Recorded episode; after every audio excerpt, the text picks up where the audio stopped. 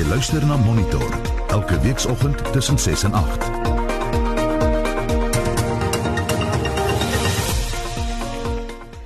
Dis nou 4 minute oor 7 in ons program vanoggend. Die minister van Finansies lewer vandag sy belangrike aanvullende begrotingsrede in reaksie op COVID-19. Ons praat met twee ontleeders oor wat ons vanmiddag kan verwag. En ons hoor ook wat die landbousektor van die toespraak verwag.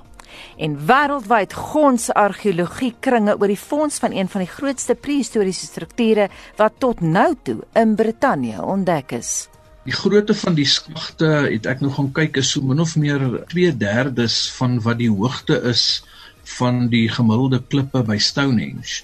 So dis 'n geweldige groot werk gewees om hierdie goeters uit te grawe wat daarop wys dat dit vir hierdie mense baie belangrik moes gewees het. Ek is Gustaf Greiling en my naam is Anita Visser.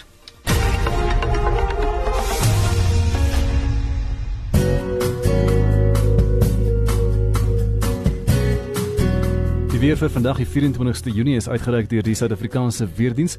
Daar is 'n waarskuwing toestande wat bevorderlik is vir die ontstaan van weggolfveldbrande word verwag oor die Karoo Hoogland in die Noord-Kaap en die Sentraal Karoo in die Wes-Kaap. En dan raadgewend sterk noordwestelike wind van 50 tot 60 km/h word verwag oor die Handam en die Karoo Hoogland distrikte in die Noord-Kaap asook oor die Brede Rivier Vallei en die Sentraal en Klein Karoo in die Wes-Kaap môre en onstuimige see toestande met duinings van 6 tot 9 meter word verwag tussen Lamberts Bay en Plettenberg Bay Saterdag. Dan die voorspelling in die hele land is mooi weer, is 'n mooi wintersdag. Pretoria word 20, Johannesburg 17 en Vereniging ook 17 grade. In die Laagveld Mbombela 21 in Limpopo Polokwane word 20 grade en in die Noordwes provinsie Mahikeng 22 en Vryburg 21. Bloemfontein word 20 vanmiddag, Kimberley 22 en Upington 24 grade. In die Wes-Kaap, Kaapstad is die wind matig noordwes 19 grade daar en in George is die wind lig noord. Dit word matig noordwes in die aand 28 in George. Die Oos-Kaap, die wind is lig tot matig noordwes in Port Elizabeth en lig noord tot noordoos in Oos-London. Port Elizabeth 27 en Oos-London 26 grade. En in Durban is die wind matig noord tot noordoos, 26 daar, 26 ook in Richards Bay aan die noordkus en 25 in Pietermaritzburg. En dis weer uitgereik deur die Suid-Afrikaanse Weerdiens. Vir nog inligting kan jy gaan na hulle webwerf weathersa.co.za.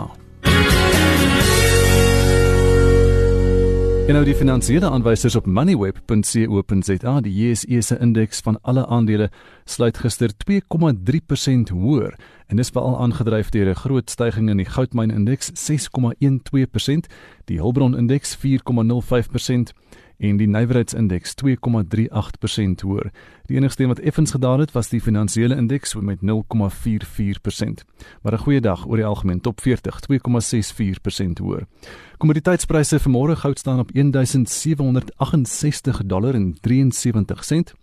Platinum nou op 842 dollar en 15 sent per fyn ons en die prys van 'n vat Brent olie is 42 dollar en 56 sent. Die wisselkoerse nou die rand teen die Amerikaanse dollar in hierdie stadium R17.21 teen die euro is dit R19.48 en 'n Britse pond kos vanmôre R21.55 en dis die finansiële aanwysers op monitor.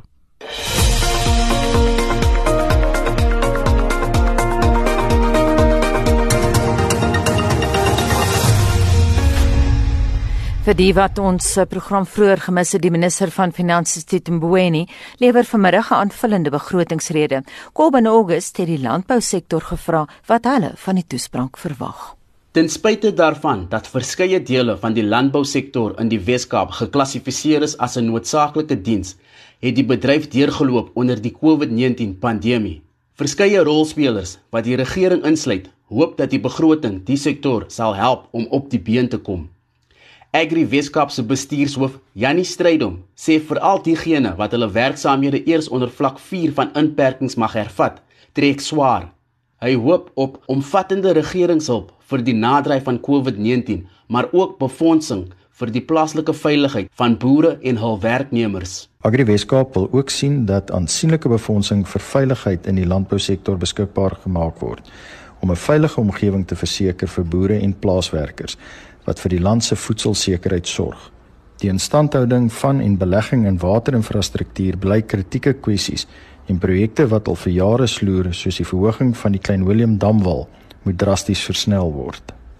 Die provinsie se departement van ekonomiese geleenthede sê die plaaslike regering het reeds 1,6 miljard op sy gesit vir COVID-19 besteding. Die provinsie se minister in die verband, David Meyer, sê egter 'n wesenlike bykomende bedrag is vanaf die nasionale regering nodig.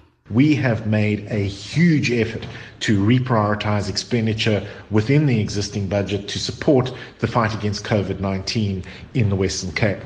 However, despite significant reprioritization of the budget and commitment of reserves, financial support from the national government will be required to support the fight against COVID 19 in the Western Cape. Die minister van Finansies, Tito Mboweni, gaan na verwagting vanmiddag om 3 uur sy aanvullende begroting bekend maak. Ek is Kobben August in Kaapstad. Dis nou 12 minute oor 7 en vir meer oor al politieke en ekonomiese verwagtinge van die aanvullende begroting, praat ons nou met professor Dirk Kotse van Unisa se departement politieke wetenskap, môre Dirk. Goeiemôre. En die hoofekonoom van die Efficient Groep, Dawie Rood, môre Dawie. Uh, Goeiemôre, Brief. Dawie, wat uh, dis die eerste keer, is dit die eerste keer nou dat Suid-Afrika uh, in die geskiedenis so 'n aanvullende begroting in die middel van die jaar skielik moet doen? Ja, dit uh, dit ek ontleed die begroting en die hele proses ontleed ek dit nou al vir meer as 30 jaar. Ek het vanoggend gou die sommetjie gemaak en dit is die eerste keer wat ek van bewus is dat ons so 'n aanvullende begroting op hierdie stadium kry. Daar's gewoonlik uh, twee kom ons noem dit maar begrotings in die jaar. Die een is die gewone begroting in Februarie en dan het ons gewoonlik in Oktober 'n uh, soort van 'n uh, uh, sogenaamde mini begroting of dan 'n aanvullende begroting. Maar dit is die eerste keer dat ons op hierdie stadium van die jaar uh, so 'n uh, aanvullende begroting sien. Daarin, wat is jou verwagtinge daarvan?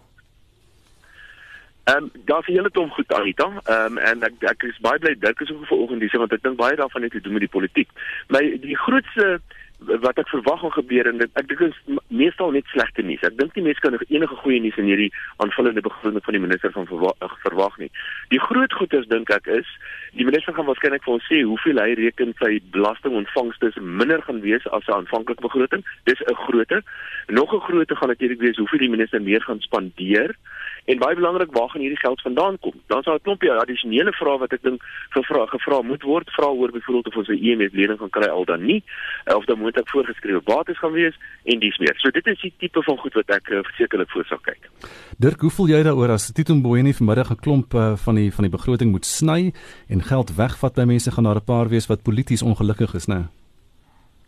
Ja, nee, dit dit gaan definitief die geval wees en uh, wat hulle reeds oor tyd bekend gemaak het is dat omtrent 130 miljard van die 500 miljard um, uit die bestaande begroting moet kom. So dit gaan beteken dat dat verskillende departemente aan hulle begroting moet sny. En dit word 'n baie belangrike politieke besluit uiteindelik. Watter van die departemente ehm um, is dit byvoorbeeld binnelandse sake, is dit verdediging, is dit uh, skole sal dit moontlik nie kan wees nie gesondheid sal definitief nie kan wees nie. Dit is groot uh, departemente. Wie sal hulle gaan moet terugsny? En dan gaan 'n mens in die tipe van 'n uh, die Griekeland scenario van vroeër, toe dit in die Europese eurozone toe hulle uh, naasien by dieselfde punt bereik het as wat ons nou is en radikale uh, veranderings aan ons begrotings moet uh, moes moes maak. En ek dink wat wat hierdie begroting gaan wees gaan waarskynlik later bekend staan as begroting nie van spandering vir groei nie, maar as 'n begroting vir vir uh, besparing in die eerste instansie. Wat beteken alles moet inkrimp. Die die rol van die regering in die algemeen sal dus afgeskaal moet word. Davie, jy het net nou verwys na voorgeskrewe bates. Nou, dit is baie in die nuus op die oomblik. Wat verwag jy gaan daaroor gesê word? Ehm um, Anita, miskien moet ek net die die konteks stel. Die staat se finansies was voor die virus, of voor die virus in Suid-Afrika se kom gekom het en ons het al baie daaroor gepraat, was die staat se finansies baie baie diep in die moeilikheid geweest. Ons was al reeds op pad geweest na 'n sogenaamde skuldstruk toe. Nou skuldstruk is 'n situasie waar die staat se skuld so geweldig hoog is en teen so geweldige tempo toeneem dat jy op die einde al jou inkomste spandeer op rente op jou staatsskuld. Nou ons was nog nie daar gewees nie, maar ons was ons op pad soontoe gewees. Ons ons was al reeds in die moeilikheid gewees. Nou wat nou gebeur het met die ekonomie wat wat baie skerp gaan inkrimp hierdie jaar, is die staat se inkomste onder geweldig baie druk. So die belastingbetaler is nie eintlik meer beskikbaar vir die minister van finansies om nog meer geld te kry nie. En hy moet natuurlik nou elders anders te geld kry. En hy kry gewoonlik geld deur net nie vir die geld te gaan leen in ons finansiële markte of oorsee en dit het hulle inderdaad gedoen, maar daai die omvang van die lenings wat hy nou nodig het is so groot dat die kapitaalmarkte, veral die kapitaalmarkte begin ongemaklik voel oor hoeveel geld die minister van finansies nou voortdurend leen. En nou het hy 'n ander bron van van fondse nodig. En een van die bronne van fondse, die enigste oorblywende pot goud wat nog oor is in die land is die spaargeld van veral uh van van veral pensionaars met ander woorde pensioenfondse. En daar is sekerlik 'n moontlikheid dat die minister van finansies en dit is nie eens 'n keer dat dit gebeur het nie, dat hy mag aankondig vandag en sê dat pensioenfondse word nou verplig om 'n gedeelte van hulle begeld te gebruik om byvoorbeeld geld aan die, aan die staat te leen of aan die Eskom te leen of wat die geval ook al mag wees. So dit is sekerlik moontlik. Daar's al soveel sprake daarvan dat daar sogenaamde voorgeskrewe bates moet wees op pensioenfondse en ek hoop ons gaan vandag klarigheid kry daaroor. Of dit werklik waar gaan aankondig, dit gaan 'n baie groot impak hê op die finansiële markte, maar dit is sonder twyfel is dit moontlik want ernstig moet hy geld vandaan kry.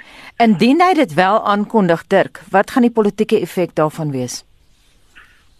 Wel ek het gaan baie implikasies hê. Ons het reeds gesien dat uh, dat van die vakbonde het het spesifieke standpunte daaroor Kusati het sy eie voorstel gemaak wat nie dieselfde is as as dit wat die regering in gedagte het nie. En daar het redelik baie van 'n bespreking reeds ontwikkel daar rondom. Die banke het ook betrokke geraak. Die banke is 'n baie belangrike rolspeler. En enige van wat die nuwe idees of die nuwe voorstelle van die Tumbeweni gaan wees um, want hulle is een van die belangrikste finansieringsbronne intern en ek dink wat tot dusver die regering se benadering was was om te leen maar om om binnelands te leen en so min as moontlik buitelands te leen. So die Suid-Afrikaanse lenings in die algemeen tot dusver was hoofsaaklik in rand gewees en nie in dollars of euros of ponde of uh, een van die ander internasionale uh, uh, stelsels gewees nie. En ek dink dit dit is 'n belangrike faktor wat nou ter sprake gaan kom want waarskynlik gaan hulle nou buite dit begin beweeg. Um, en ook nou ons het reeds gehoor van 'n naaste by 'n aankondiging dat die nuwe ontwikkelingsbank, dis die BRICS bank, uh waarskynlik 'n 1 miljard dollar vir Suid-Afrika kan leen en die IMF 4.2 miljard dollar. Nou dit kom omtrent op 90 miljard rand te staan in. En dit is een van die belangrike politieke implikasies want die EMF was tot dusver die vir veral vir die ANC en die ANC geleedere as 'n as 'n opsie gesien wat 'n nie opsie is. Dit het hm. te veel bagasie in die verlede gehad dat dit is net gesien as iets wat Suid-Afrika onder geen omstandighede moet doen nie. As as gevolg van die, die politieke betekenis en die politieke implikasies wat dit het. So dit dit is die een aspek dink ek wat hier wat se dag hoogs belangrik gaan wees. Ehm um, 'n ander aspek wat ek dink wat wat nog oor duidelikheid moet kom is oor die staatsdiens en die staats die, die toekoms van die betaling van staatsdienssalarisse want uh, die beplanning is dus dat 160 miljard oor 3 jaar gespaar moet word en sluitend 38 miljard vir vir jaar. Um, ons weet dat hulle aan my nie die verhoging betaal het nie, maar die die vakbonde verwag um, dat daar vandag duidelikheid daaroor moet kom oor wat is die toekoms maar dis een van die harde harde neute wat gekraak moet word um, in in in vandag se begroting. Davie, Dirk het nou 'n interessante ding daar genoem van die verskil tussen 'n lening in rand en 'n lening in dollar. En ons het nou gehoor ja. van hierdie lening van die nuwe ontwikkelingsbank, die BRICS bank, miljard dollar, maar dit gepraat van hulle wil dit in rand gee vir die Suid-Afrikaanse regering.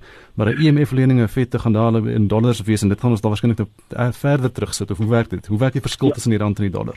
Dis 'n baie belangrike vraag wat jy nou hier vra want ek hoor almal slaan op hierdie drom dat ons 'n IMF e lening gaan kry en dit is inderdaad so lyk my hierdie BRICS lening van 'n miljard dollar sou klaar goedgekeur en hierdie geld is al reeds geoormerk om gebruik te word om mediese toerusting in te voer. Maar onthou in Suid-Afrika gebruik ons die Suid-Afrikaanse rand en die proses in eenvoudige terme is as volg: is dat ons gaan nou maar sien nou maar na die BRICS bank toe of na die IMF e toe en ons leen dollars by hulle, die regering leen dollars by hulle, gee die dollars vir die Suid-Afrikaanse Reservebank en die Reservebank skep dan rande in ruil vir die dollars en gee die uh, rande vir die regering wat dit dan spandeer op waarop hy nodig het om te spandeer. Maar nou sit die reservebank met die dollars.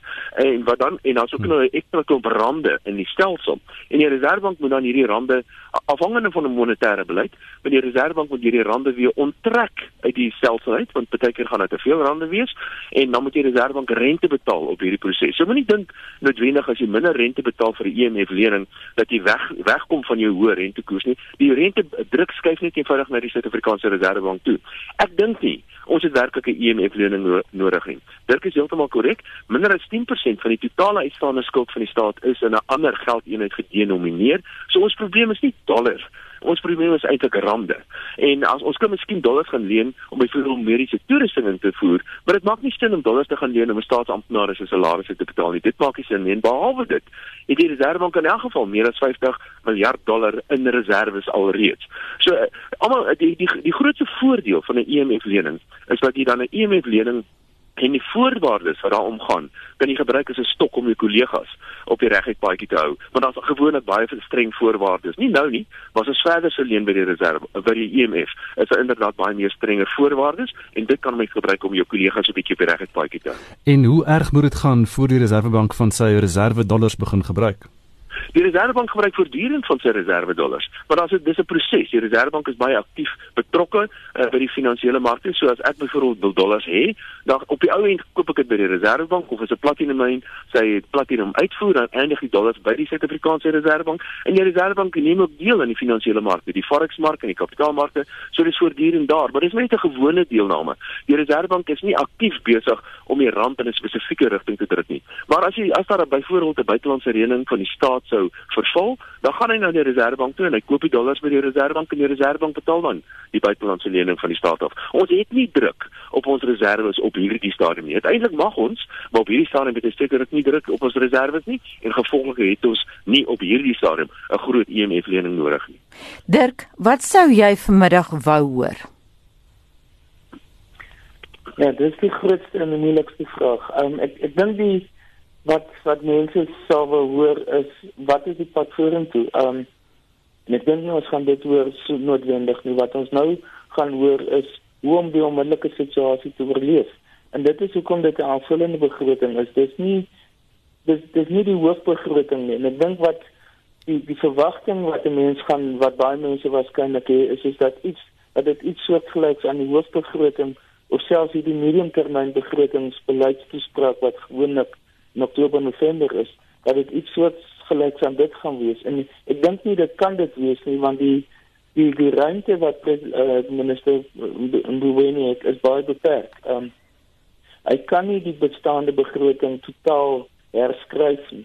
Ehm um, so die die uh, die mate waarna hy byvoorbeeld kan praat van ekonomiese herstrukturering en dis die ander punt wat ons nog nie oor gepraat het nie. Dit het 'n debat begin geword word of 'n fokus begin punt begin word wat aan verskillende kante van die politieke spektrum aandag kry. Um en waar waar daar verskillende verwagtinge oor is. Um miskien kan ons begin iets sien daarvan. Um in die geval van president Ramaphosa het hy begin praat van 'n nuwe ekonomie na die die pandemie. 'n ekonomie wat sommige hoop meer mark uh, vriendelik gaan wees wat meer gaan herstruktureer as dit kom by die grootte van die staatsdiens wat gaan herstruktureer as dit by die staatsondernemings kom. Ehm um, Israel is natuurlik 'n ander faktor wat vandag mm. miskien ter sprake kan kom. Mm. En ek het te vermoed dat Israel in 'n groot mate die die toetsgeval van staatsondernemings vir die toekoms gaan wees. Um, en dit as dit aangespreek kan word, kan ons begin om dalk 'n nuwe rigting te sien.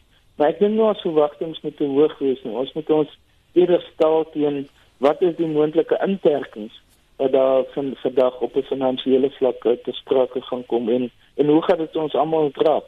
Ehm um, soos Dawie gesê het, ek dink ook dat daar nie noodwendig ehm um, aan die belastings geraak word nie, maar daar sommige mense wat moontlik dink dat dat ander vorms van inkomste wat uiteindelik neerkom om het, op 'n indirekte vorm van belasting dalk te sprake kan wees. So ek dink die die verwagtinge moet so laag as moontlik wees ons moet eerder kyk wat gemoontlik wees vir elkeen elkeen van ons om onsself uit hierdie situasie uit te bestuur.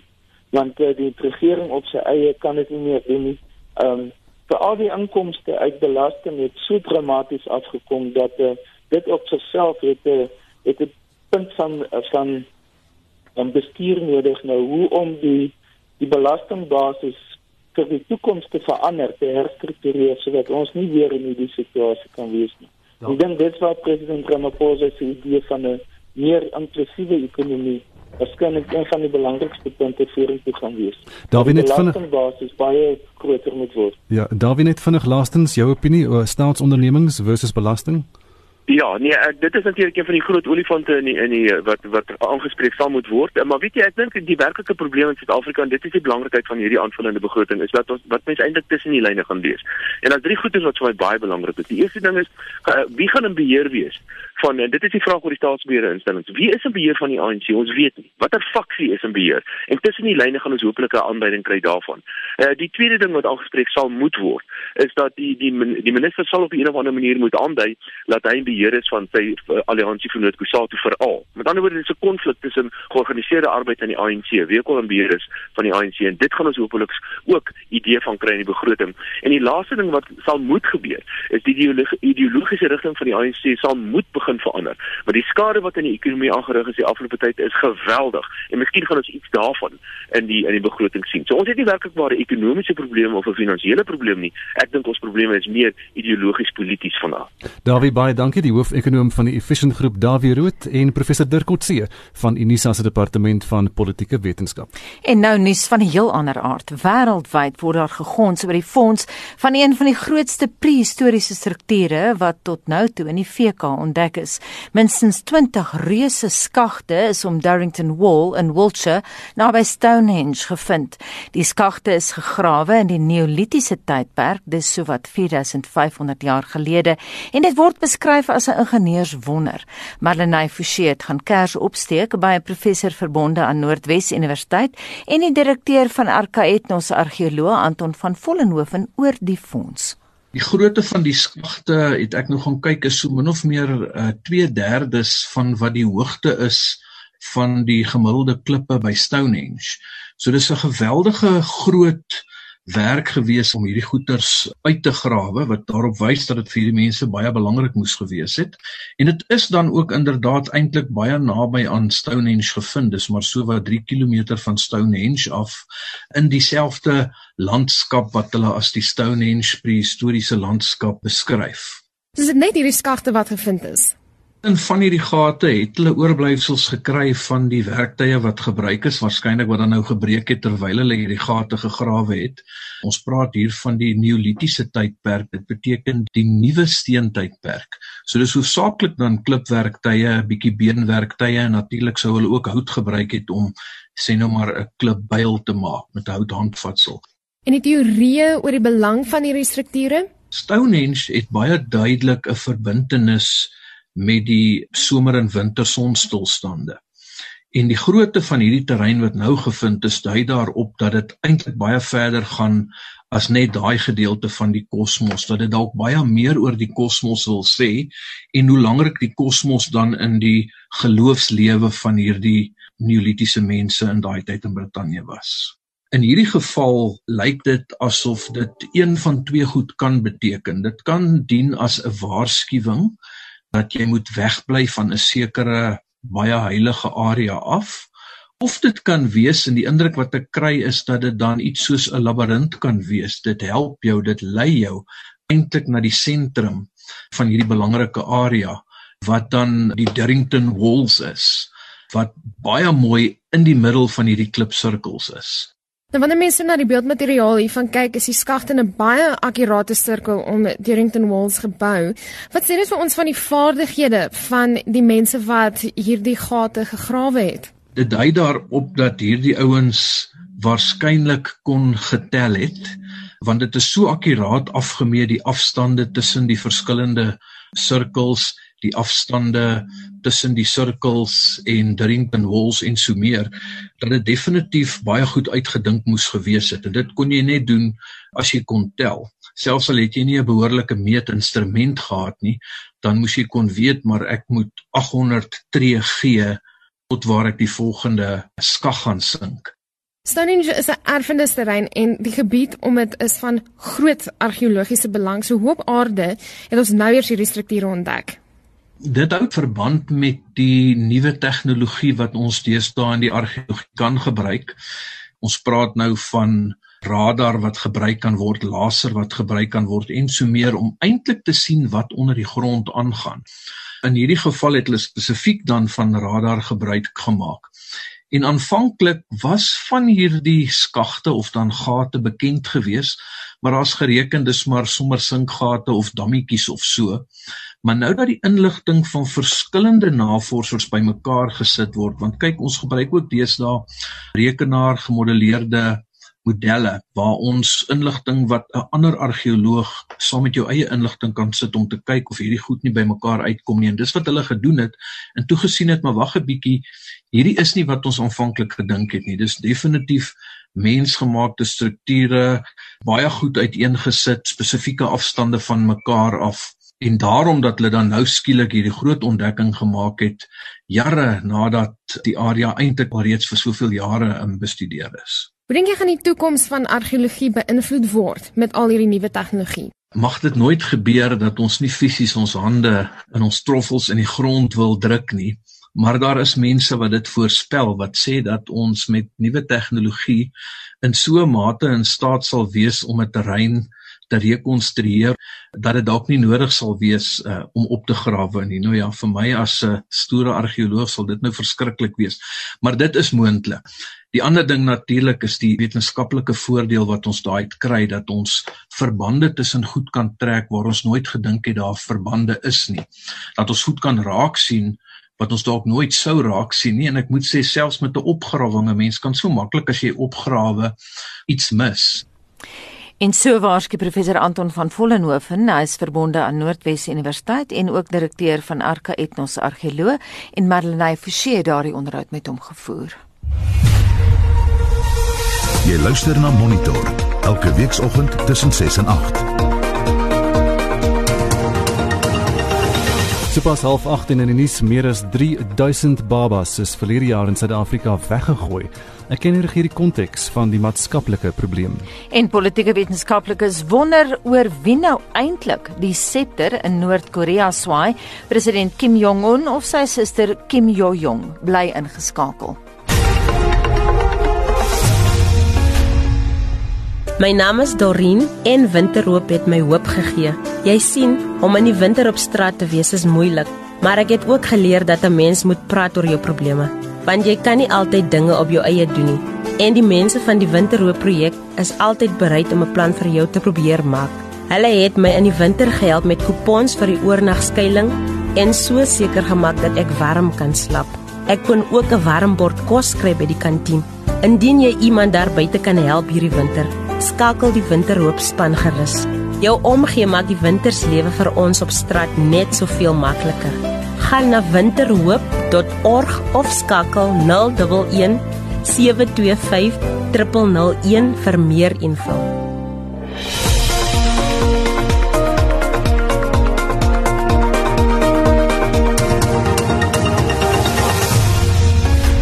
Ons wil weet wat verwag jy van die minister van finansies se begroting vanmiddag? Kom ons hoor wat luisteraars sê.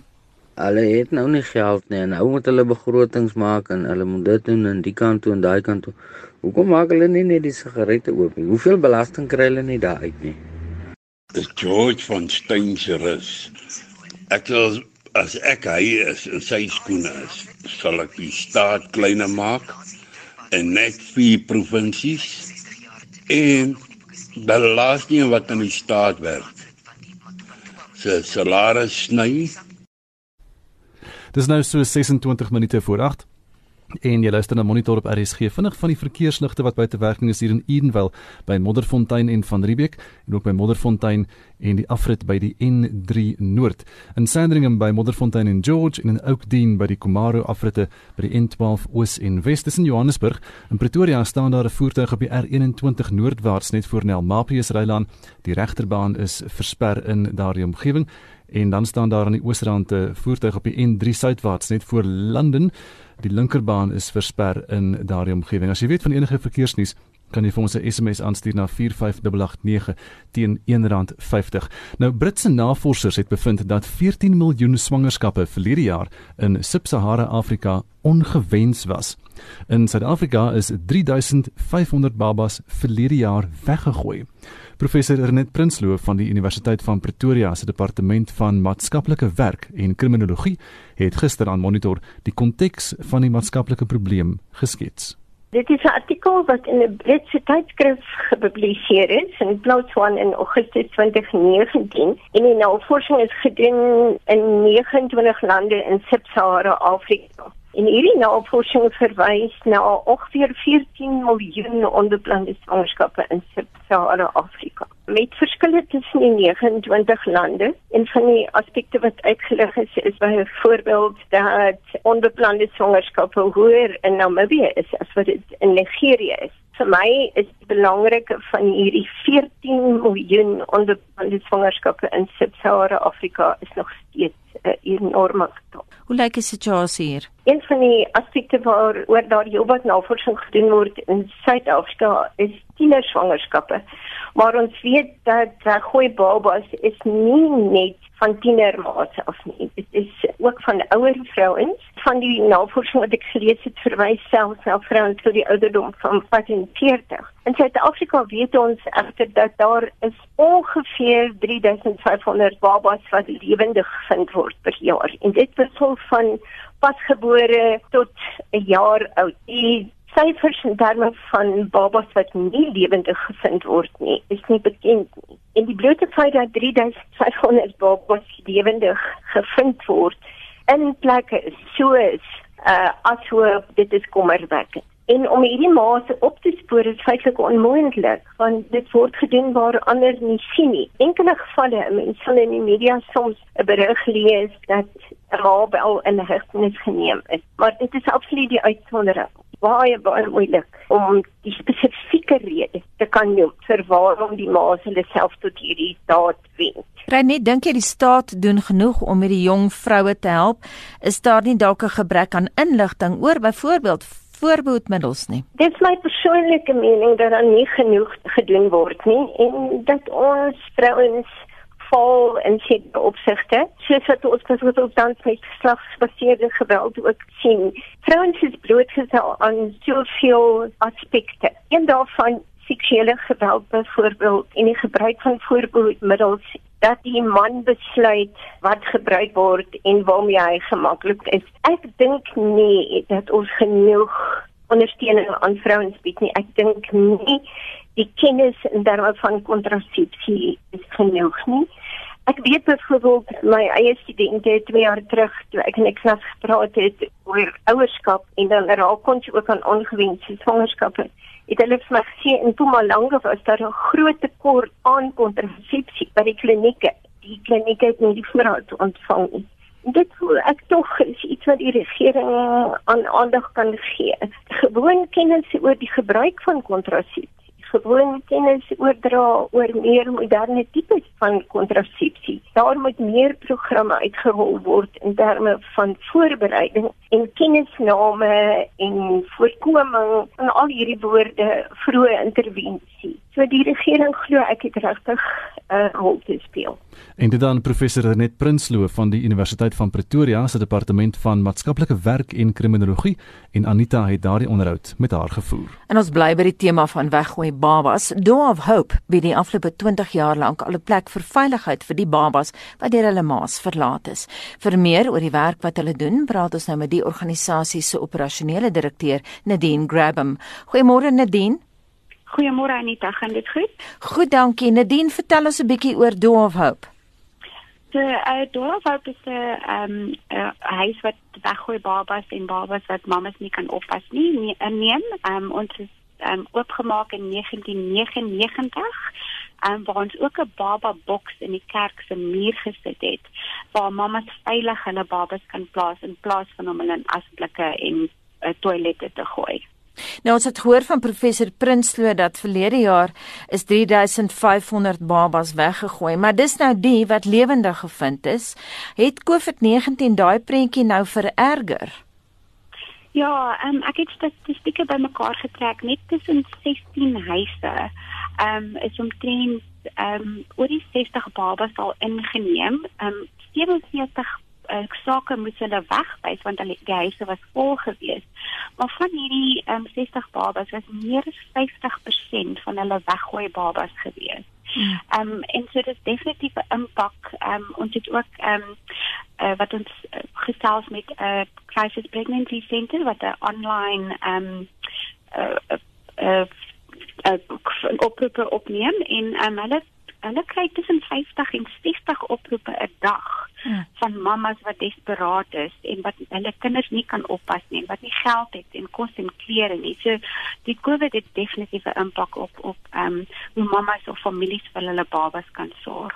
Nadien jy het nou verwys na sogenaamde bababoks in die kerk, maar hoekom die babas nog by julle uit? Want ons het ook gehoor babas word soms op vullishope en so geplaas.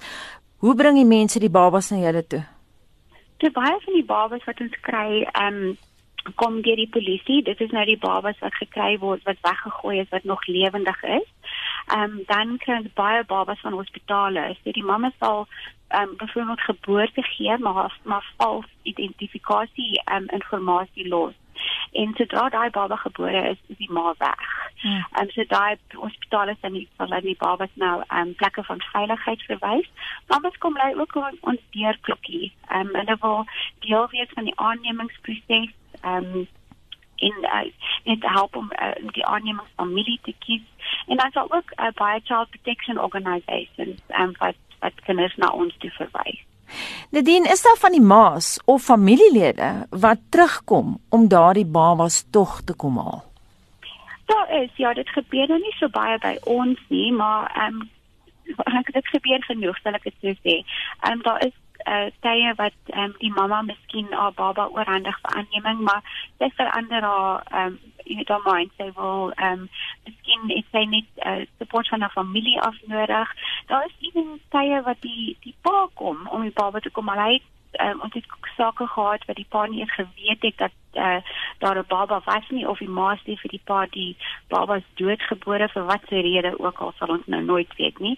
Um, maar daar's ook baie tye wat die wat die ouma kom. Jy weet die ouma um, dit is nou skulptuur ek dink dat um, die ouma um, oumas baie van hulle kinders se kinders oppas. Ehm um, so in daai geval is dan ons sosiale werker sy om seker te maak dat alles weet reg gedoen word en ehm um, dat die familie wel agter die tuintjie kan kyk. So dan sal ons in daai omstandighede die ehm um, die kindjie vir die familie teruggee. Wat is die hartseerste storie van 'n weggooi baba wat jy al beleef het? Oh, ja, ek ek sou probeer om nie te huil nie, maar dit was 'n uh, 'n paar jaar gelede wat ehm, 'n um, baba nou asblik gekry was in in Heilbron.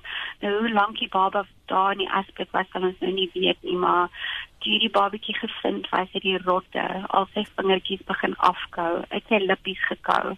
Ehm um, en en dit was hartverskeurende geweest. Die baba uh, was nog lewendig geweest en maar die goeie goeie goeie eindig is is dat hierdie baba deur 'n wonderlike familie aangeneem is en voor hulle kom haal het, het hulle al sy ehm um, afsprake gemaak om sy um, sy gesig reg te maak. Sy neusie was heeltemal afgekou geweest.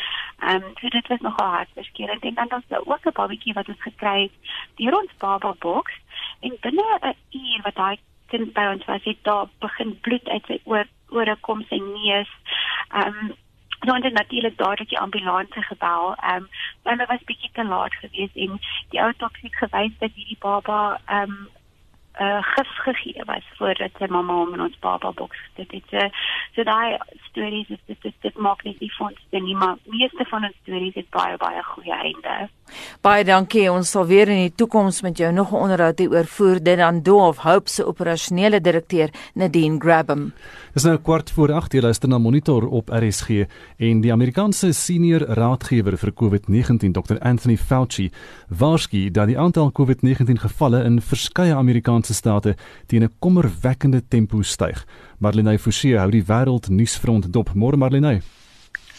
Môre Gustav, Fauci sê verder die volgende 2 weke is van uiterste belang om die verspreiding van die virus in die deelstate Florida, Texas en Arizona in te perk. President Trump sê intussen die toetsing van die virus gaan voortaan verminder word en dit is nuus waarvan Fauci nog nie bewus is nie. I know for sure, but to my knowledge, none of us have ever been told to slow down on testing, just as a fact. In fact, we will be doing more testing Dit was die Amerikaanse senior COVID-19 raadgewer Dr. Anthony Fauci. Minstens 2 miljoen Amerikaners het die virus reeds opgedoen en sowat 120 000 het gesterf. Maar die aantal sterftes in Latyn-Amerika en die Karibiese eilande het ook die 100 000 kerk verbygestreek. Die helfte van die sterftes kom uit Brasilië en president Jair Bolsonaro is intussen deur die hof beveel om sy gesigmasker in die openbaar te dra. En vir elke dag wat hy dit nie doen nie, moet hy 'n boete van minstens 6800 rand betaal. En ons verskuif dan die aandag na die ooste waar die Indiese minister van verdediging Rajnath Singh met die Russiese weermag samesprekings hou om die land se diplomatieke krisis met China die hoof te bied. En dit volg op die dood van 20 Indiese soldate verlede week op die betwiste grenslyn in die Kashmir se Ladakh streek. Nou China en Indië se soldate het handgemeen geraak en mekaar met knippels en klippe bygekom oor 'n beweerde oortreding van die betwiste grenslyn. Nou China en Indië is albei skepties oor 'n suksesvolle uitkoms en in Indië word Chinese produkte ter waarde van miljoene rande geboikot weens die voorval. Ons hou verwikkelinge dop. En Noord-Korea het intussen bekend gemaak dat hy beplande militêre optrede teen eh, Suid-Korea gaan opskort.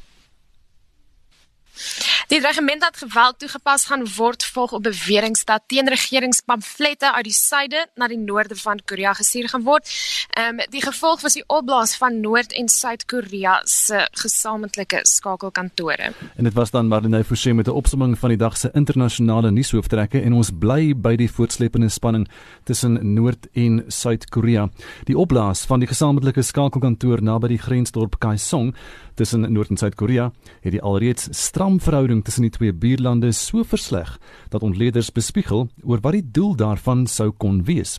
Intussen wonder politieke wetenskaplikes wie nou eintlik die septer in Noord-Korea swaai. President Kim Jong-un of sy suster Kim Yo-jong wat vir die opblaas van die skakelkantoor verantwoordelik was. Anita by die politieke wetenskaplike Roland Henwood van die Universiteit van Pretoria gaan kers opsteek. Dis baie moeilik om te lees wat in Noord-Korea aangaan. Dit is seker een van die mees geslote gemeenskappe in die wêreld. En daar's 'n baie sterk propaganda struktuur wat letterlik alle kommunikasie veral na buite beheer en rig om die leierskap goed te laat lyk en al hulle prestasies te besing. So dis moeilik om van buite te bepaal wat gebeur. Daar is wel tekens dat en ek sê dalk verander opsetlik want ehm um, mense is in 'n mate besig om te reageer op dit wat besigbaar is sonder om te verstaan presies wat aangaan.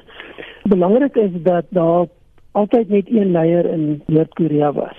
En op die stadium is dit Kim Jong-un. Maar dit lyk asof daar 'n tweede leier na vore begin tree en dit is sy suster en belangrik is dat Dis nie te sê sy gaan hom vervang nie, dis dalk 'n versterking van die familiebande, die familieleierskap. Volgens berigte is die twee baie na aan mekaar en het saam groot geword en baie tyd saam spandeer. En dit lyk asof sy besig is om 'n belangrike ondersteuningsrol vir hom te begin speel en 'n baie meer prominente rol as leier te speel. Wat dit ook belangrik maak is dis die eerste keer dat 'n vrou so 'n rol begin speel in Noord-Korea. Maar dit lyk asof sy die aggressor is dit is dalk deel van die politieke spel wat besig is om uit te speel. Noord-Korea is besig om 'n bepaalde beeld na buite te probeer projekteer en haar rol is die van sy verantwoordelik vir die propaganda. Met ander woorde, sy hanteer die kommunikasie, die beeldontwikkeling, dis haar verantwoordelikheid dat die leierskap goed lyk en dit sluit haar natuurlik nou in. Wat interessant is en wat nuut is, is dat sy ook 'n oënskynlike uitvoerende rol begin speel. Sy maak belangrike aankondigings in die afgelope weke en nie net maak sy die aankondigings nie, maar sy lyk ook asof sy in beheer is van die uitvoer daarvan. Die aankondiging dat die sentrum in Kaesong opgeblaas gaan word, het sy gemaak en sy was eenskynlik ook verantwoordelik vir die uiteindelike uitvoer van die vernietigingsopdrag. So sy lyk asof sy in die militêre omgewing 'n bepaalde opdrag kon gee en kon toesien dat dit uitgevoer word. En dit is baie uniek en heeltemal nie in die politiek van Noord-Korea. Roland, jy sê nou tereg sy die aankondiging daaroor gemaak oor die opblaas van die sentrum, maar het sy die besluit daaroor geneem? Sy het waarskynlik nie alleen die besluit geneem nie, maar dit lyk asof sy ten nouste betrokke was by die besluit. Dit is nie iets wat sy net aangekondig het en toe gebeur dit nie. Dit lyk asof 'n groot deel van die kommunikasie wat nou in die onlangse tyd met Suid-Korea gevoer word, noodsaaklik met verklaringe en simboliese dade, asof dit direk onder haar leiding gebeur en asof sy direk daarbey betrokke is. En dit is heeltemal iets nuut in die konteks van Noord-Koreaanse politiek. Gaan ons weer 'n missieleoorlog sien? Dit is 'n interessante ander afwyking van die patroon wat ons die afgelope jare sedert 2010 veral gewoond geraak het. En dit is dat wanneer Noord-Korea ontevrede is of onder druk kom, dan vier hulle missiele om te wys wat is hulle verloor en om bietjie te probeer intimideer. Op die stadium het daar niks daarvan gebeur nie. Die tipe optrede wat ons sien is direkte politieke uitsprake, baie harde politieke uitsprake en dan meer simboliese optrede met dan 'n sterk hand daarby en dit was die spesifieke daad van die opblaas van die sentrum in Kaesong. So daar is 'n ander patroon en dit lyk asof die gebruik van missiele so bietjie teruggehou word of dalk teruggehou word met die doel om nie te veel ontevredenheid te skep by die VSA, China, Japan wat belangrike rolspelers in die streek is. So dit kan wees dat daar baie sterk strategiese oorwegings agter die hantering is om te sê ons gaan meer polities optree en minder die groot kanonne uithaal as ek dit so mag stel. Maar is die missiele meer Kim Jong Un se terrein? Op die stadium is dit uitsluitlik sy terrein. Uh, niemand anders was nog betrokke by die besluite en die wys van die missiele en die gebruik daarvan nie. Wat wel interessant is is dat die suster was op 'n stadium sigbaar by van die laaste missiel lanserings, maar sy het nie 'n rol daarin gespeel nie. Waarskynlik versterk dit die idee dat sy 'n sterker rol begin speel, meer sigbaar word in die politiek, dat sy 'n spesifieke plek het. Sy is nog nie die leier nie en dit sal waarskynlik nie gou gebeur dat sy die leier word nie tensy daar iets baie dramaties in Noord-Korea gebeur. En hoe dink jy die huidige spanning gaan nou uitspeel? Ons het reeds gesien die effek op Suid-Koreaanse politiek. Ons het gesien die minister van unifikasie het gesê hy bedank, hy voel die swak verhouding is sy skuld. Ja, dit is interessant dat die minister bedank. Aan die ander kant sien mens die laaste verkiesing wat in Suid-Korea was, het die president in 'n baie sterker posisie gelaat as wat hy was. So dit lyk asof dit in Suid-Korea op die stadium met die president relatief goed gaan, maar die die buitelandse betrekkinge is waar die probleem lê in die betrekking met Noord-Korea. En daar sit Suid-Korea in 'n onbenadigingswaardige posisie.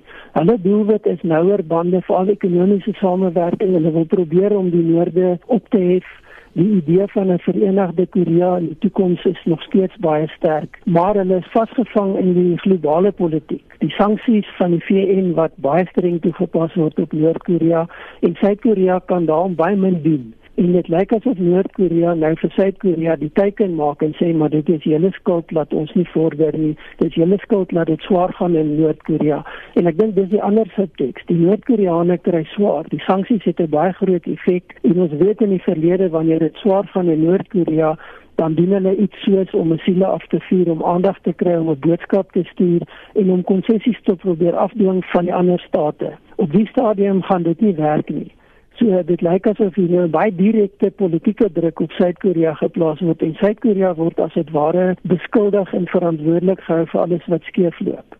En dit gaan op die kort termyn baie meer spanning skep en gaan dit baie meer riskant maak in die Noord-Suid verhoudinge. Daar is van die nuusagentskappe wat spekuleer oor 'n uitbreking van COVID-19 in Noord-Korea. Dit is een van die oorsake wat gemoontlik geïdentifiseer is of as 'n moontlikheid geïdentifiseer is waarom Noord-Korea nou skielik so optree dat daar baie druk is en dat die sanksies en die beperkings wat op Noord-Korea geplaas het, dit vir hulle baie moeilik maak om die pandemie te hanteer. Maar dit is op die stadium soos alles in Noord-Korea afleidings. Daar's geen detail nie, daar's geen data nie. Niemand weet wat regtig aangaan nie. Wat van die propagandaballonne? Die propagandaballonne wat uitgeweke Noord-Koreane vanuit Suid-Korea terugstuur is 'n groot probleem vir Noord-Korea en dit dryf lynreg in teen hulle manier van doen en dan baie belangrik, hulle baie sterk beheer op kommunikasie. Dit skep alternatiewe boodskappe en dit is ondermynend vir die Noord-Koreaanse regime. So hulle is baie sensitief daaroor. Ons het gesien dat Suid-Korea nou 'n beperking plaas en die mense probeer keer om dit te doen. Hulle hmm. dreig hulle met vervolgings. En dis natuurlik 'n ander probleem, die politiek van Suid-Korea se konstitusionele demokrasie en vryheid van spraak is baie belangrik. So nou begin jy beperkings plaas op mense om 'n ondemokratiese regime ter wille te wees. En dit skep natuurlik ander spanning. So dis 'n baie komplekse politieke proses wat besig is om in die streek af te speel. Terselfdertyd het Suid-Korea se president Moon Jae-in gesê hy gaan sy nasionale sekuriteitsraadgewer Chung Il-jung na Noord-Korea toe stuur want hy wil met 'n olyftakkie uitreik. Wanneer gaan die Suid-Koreane besluit die kool is nie meer die sous werd nie. Dit is onwaarskynlik dat dit baie vinnig sal gebeur. Die leierskap in Suid-Korea sou die stadium ten sterkste verbind tot verbetering van verhoudinge, tot uh, uitreik na Noord-Korea, tot 'n opheffing van Noord-Korea. Dit is natuurlik in hulle belang, want onthou die twee dele van Korea is nog wesentlik in 'n staat van oorlog. Hmm. So dis in hulle belang om vrede te probeer bou, om stabiliteit te probeer bou, om die kernbedreiging op hulle noordelike grens te probeer beheer en so ver as moontlik af te skaal. Die Suid-Koreane gaan nie baie vinnig wegstap nie van hulle kan nie. Histories is dit dieselfde land, maar in 'n praktiese sin sit hulle met hierdie probleem op hulle grens. Hulle is verbind daartoe om daai stabiliteit en goeie verhoudinge te bou. Roland Beijing het aangebied, weer eens aangebied om 'n bemiddelingsrol te speel. Sou hulle dit goed kon doen? Die probleem met Beijing vir Suid-Korea is dieselfde wat die VSA vir Noord-Korea. En dit is dat dit is 'n bondgenoot, 'n baie noue bondgenoot van die Noord-Koreaanse regering. Alhoewel Beijing baie ongelukkig is met Noord-Korea en veral met hulle kernprogram, het hulle nie hulle het nie die vermoë om dit te stop nie, maar dit is hulle bondgenoot en hulle neem gereeld vir Noord-Korea onder beskerming en dit maak dat 'n rol as 'n bemiddelaar is nie 'n neutrale bemiddelaar nie. Net soos wat die VSA nie 'n neutrale bemiddelaar vir Noord-Korea kan wees nie. So dit maak dit baie moeilik en dit dan die politieke wetenskaplike Roland Henwood van die Universiteit van Pretoria en Anita het daardie onderhoud met hom gevoer.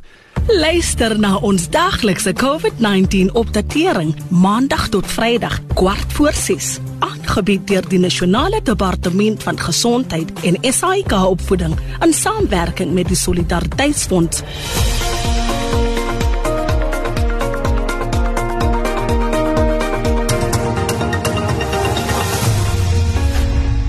Sien in Durban is daar 'n ongeluk op die N2 suidwaarts net na Solomon Mahlangu. 'n Baan is versper daar in Kaapstad. 'n Motorfietsryer is omgery op Gielbason net voor Roth Rothschild Boulevard. Vincent, hoe lyk dit terugvoer? Gustaf, hier sê John van der Walt, brandstof gaan onbeskop gelooi word. Daar gaan alles op. Oliepryse is besig om skelmpies te styg en dit met die swak rand. Halfgesnyde salarisse is nou net kwart werd. Gelukkig gaan daar oorproduksie van mielies wees om net onder die paplyn te lewe. En sê Cecilia Massain Ferreira sny maar die minister se salarisse en dit is maar meeste van ons luisteraars se menings daai. En sê Steven Philip van Niekerk As hy nie staatsbesteding en salarisse drasties sny nie, gaan dit dalk SA se laaste begroting wees sonder die invloed van China. Hulle wag om die hele Afrika in te sluk, sê Steven. Dan reageer Cindy Kotse op Steven se boodskap en sê as dit nie al klaar ingesluk is nie, En Killian sê as hy tap gaan die kraantjies wat hy oopdraai maar weer eens die vuisfoos hardwerkende sin wees. Intussen gaan die regering net aan um, om die steelers en deelers aan sy boesem te druk sonder enige gevolge. Dan sê Dirkotse los ons stadsamptenare uit. Sommige van ons moes heeltyd werk al is ons hoë risiko gevalle. Dan sê Christine Maree, maklik besteel die pensionaarsse. En Bonita Plato sê Dis 'n goeie vraag. Waar gaan hulle die geld van tap? Definitief van my af. Dit weet ek want ek moet water en krag vir ander betaal. Waar is al die geld wat Kamstig in Solidarity Solidarity Fund gestop was? Almal soek soek soek geld, maar niemand praat van daardie klomp geld wat gesteel is nie. En uh, dit was die terugvoer wat ons van ons luisteraars afgekry het vandag. Maar nou lyk Spectrum se dagboek. Die boeklegendes Bakkies Botha en François Pinaar praat vanmiddag regstreek met ons oor die herdenking van die Wêreld Rugby beker 25 jaar terug. Die Hooggeregshof in Pretoria lewer uitspraak oor die regering se aansoek om verlof tot appel teen 'n vroeëre uitspraak oor die inperkingsmaatreëls. Die omstrede Crowd One skema word behoorlik onder die vergrootglas ondersoek en die minister van Finansies Tito Mboweni lê vandag sy aanvullende noodbegroting ter tafel. En ons groet namens ons waarnemende uitvoerende regisseur Hendrik Martin, volgens redakteur Justin Kennerly, produksieregisseur Lewona Bekes, ek is Gustaf Greiling. En my naam is Anita Visser. SAK nuus. Onafhanklik, onpartydig.